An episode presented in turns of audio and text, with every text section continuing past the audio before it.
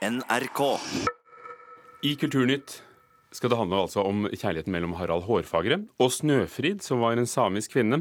Og dette har eh, det samiske nasjonalteatret Beivers laget teater av.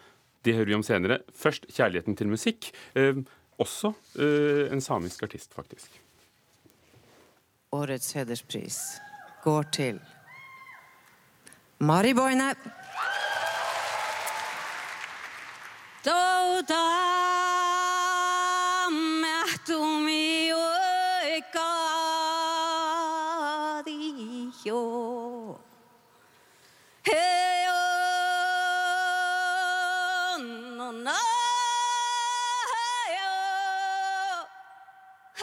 Det var altså Mari Boine som fikk årets hederspris under Spellemannprisene som ble delt ut i Oslo konserthus og på fjernsyn i går kveld, eh, og feiret da med å joike denne takketalen. Kulturreporter Kristine Sterud, eh, det var kvinnene som fikk de fineste prisene i går. Hvem ble årets Spellemann?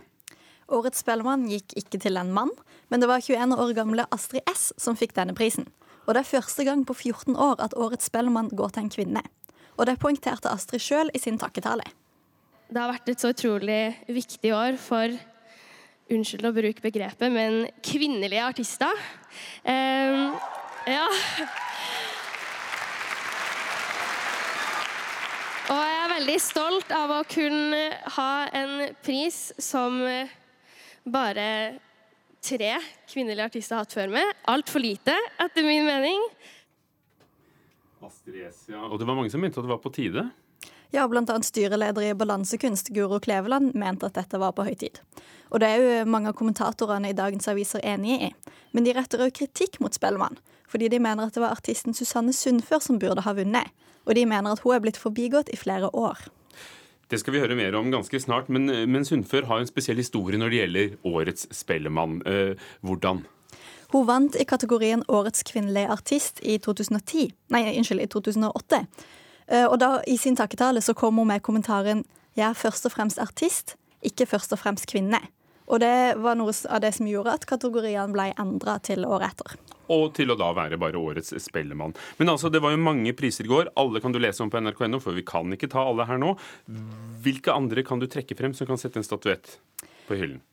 Sigrid Råbe, eh, Rabe ble årets nykommer, og hun vant da jo altså Gramo-stipendet på 250 000 kroner. Mens årets klassiskpris gikk til fiolinisten Vilde Frang. Mens Cezinando vant både prisen Årets album, Årets urbane, og produsenten hans vant pris for plata Noen ganger og andre.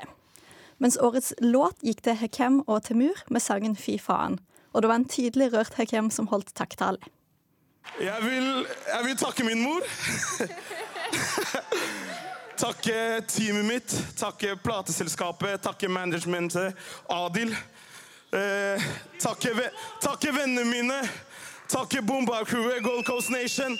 Og dette er for alle sammen, oss alle sammen. Tusen hjertelig takk! Ja, og nå mm, for å dra litt ned på banningen, nå så spiller vi ikke fra låten med refrenget 'Fy faen'. Men Sigrid Hvitsten, kulturredaktør i Dagbladet. Årets Spellemann gikk altså til Astrid S. Astrid S som i Astrid Smedplass. Eh, For å ta det først, var det, var det fortjent for artisten Astrid S? Eh, Først må man jo si gratulerer til Astrid S, eh, fordi det er utrolig stas å bli årets Spellemann. Eh, Om det var fortjent, kan man godt si at det var, men det var ekstremt overraskende. Det var ingen som hadde forventet at det var Astrid som skulle få denne prisen i år. Eh, De fleste hadde derimot holdt en knapp på Susanne Sundfør, som ikke bare glimret med sitt fravær på utdelingen, men også glimret med eh, sitt fravær i utdelingen av prisen. Hun var nominert til to priser, fikk ingen. Forbigått igjen.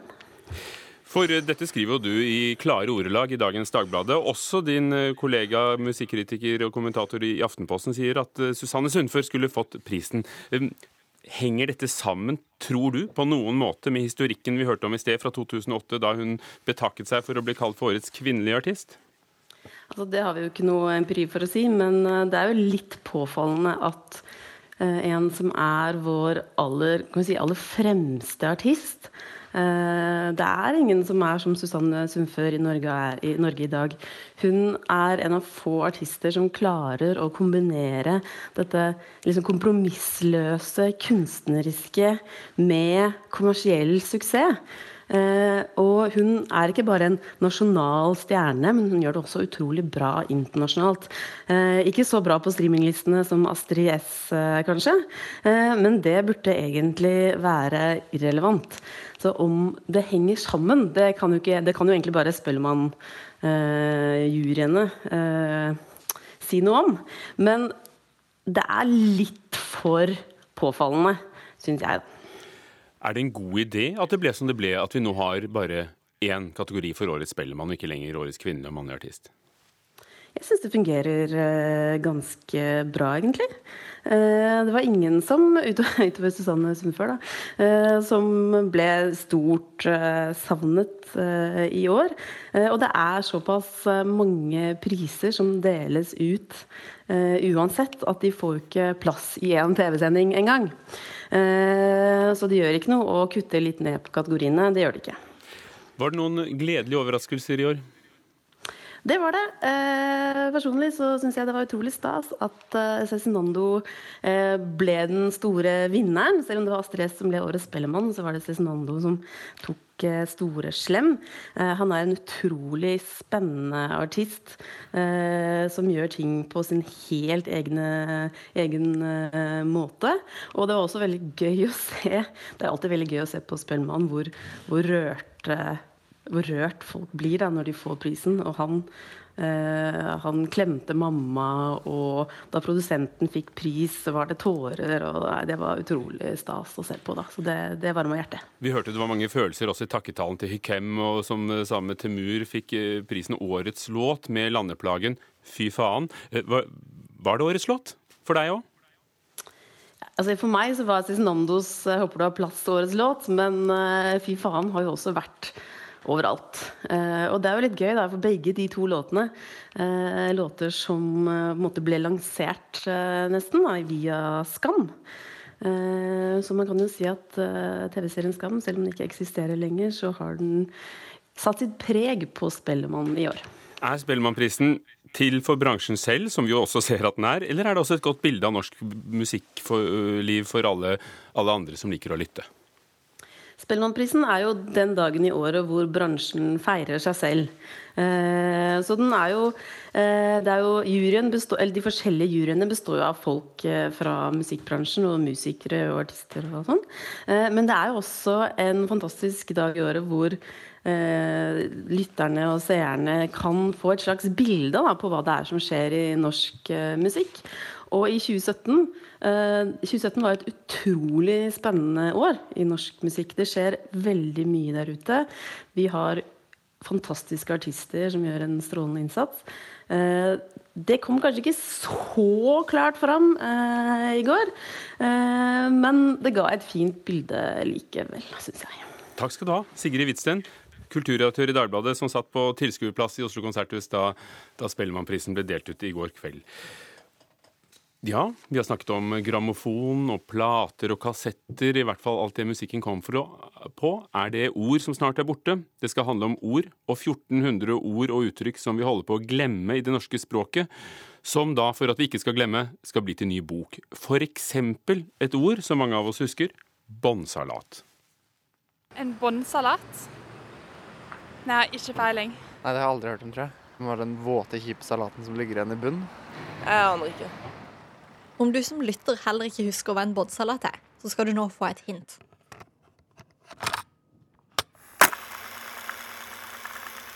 Fasiten får du om to minutter. Men selve ordet båndsalat er et av 1400 ord som Jens Barland har samla sammen. Han er egentlig medieforsker, men har interesse for språk. Man sier jo ikke klasseforstander lenger, og båndsalat vet de ikke hva er. og Nabolokal takst hører jo til en gammel telefontid. Så jeg bare spurte om å få flere sånne, og så kom det en enorm mengde. Nå skal ordsuppa med disse ordene vi glemmer, bli til ei bok. Barland har kategorisert de. Sånn som barnepike og eksosryp, og vi sier ikke ekspeditrise, liksom. Eller flyfille. Altså, folk husker ordene. Det er bare det, vi bruker dem ikke i dagligtalen på samme måte lenger. Og Det syns jeg er sånne små, underfundige historier om samfunnsendringer, om verdier i samfunnet, som kommer fram ved å se på sånne gamle ord, og ord som vi i og for seg glemmer. Men hvorfor glemmer vi ord? Det kan språkprofessor Finn Erik Vinje forklare. Svaret er jo det at uh, samfunnet, dvs. Si å gjøre omgivelser forandres, klesmoter forandres og uh, transportmidler forandres. Alt det der her som skjer i samfunnet, det får språklige følger. Men han sier at ord dør ikke ut bare fordi vi ikke husker de med en gang. Og vi kan jo ganske mange, mange flere ord enn det vi bruker. Jeg regner med at forholdet er som mellom uh, tre til én. Altså, vi kan tre ganger så mange ord som dem vi bruker faktisk på, egen, på eget ansvar. Det er et veldig komplisert spørsmål, fordi du vet, vi sier at de går tapt. Men ordene går jo egentlig ikke tapt. De kan være utrydningstruede, men de går ikke tapt, for de befinner seg i bøkene. Men tilbake til denne såkalte båndsalaten. Du trenger en kassett for å lage det. NRK-journalist og språkentusiast Linda Eide forklarer hva det er. Båndsalat er sånn som vi fikk eh, når vi jobbet i radio og brukte spillere med magnetband. Og eh, hvis det gikk i surr, så fikk en veldig fort bandsalat. Det er en helt egen lyd av bandsalat. Sånn Når du prøver å få ut igjen bandet. Det var bannsalaten til eh, Linda Eide. Reporter var Kristine Sterud om glemte ord og uttrykk.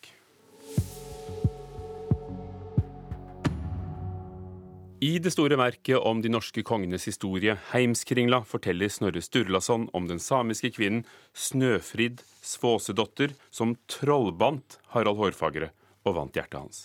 Arne Berggren har skrevet et stykke om kjærligheten deres, og det samiske nasjonalteatret Beivers spilte forestillingen Snøfrid i Oslo i helgen.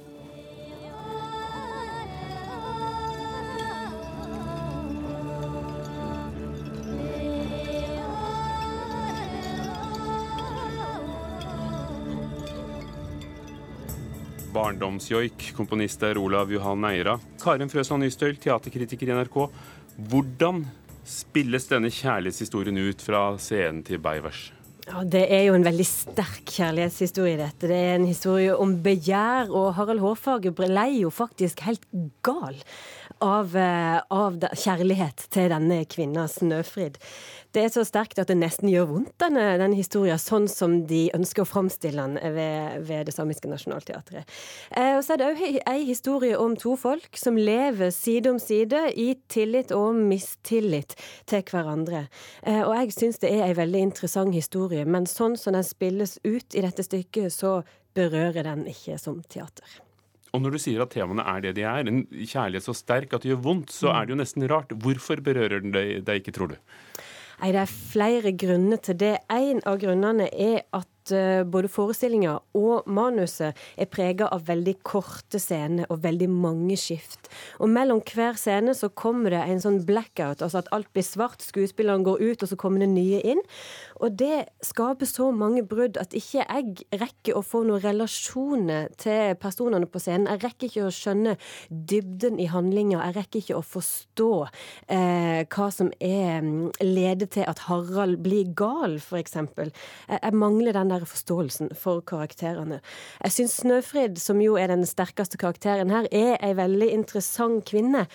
Eh, men når man ikke får tid til å gå inn i situasjonene, så blir det heller ikke så godt teater. Så, så hva skulle de gjort, da, som du ser det?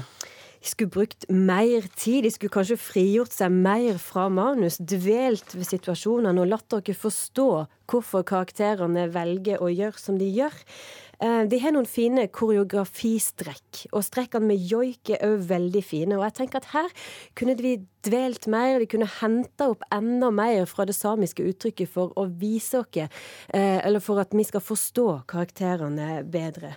Eh, de kunne hatt mindre inn- og utganger, mindre blackouts. Men samtidig må jeg si at det er jo kjempefint at norske dramatikere òg skriver for det nasjonal, samiske nasjonalteatret. Det syns jeg er veldig flott. Og det er det Arne Berggren som har skrevet, og så er det Haukur J. Gunnarsson som har vært regissør.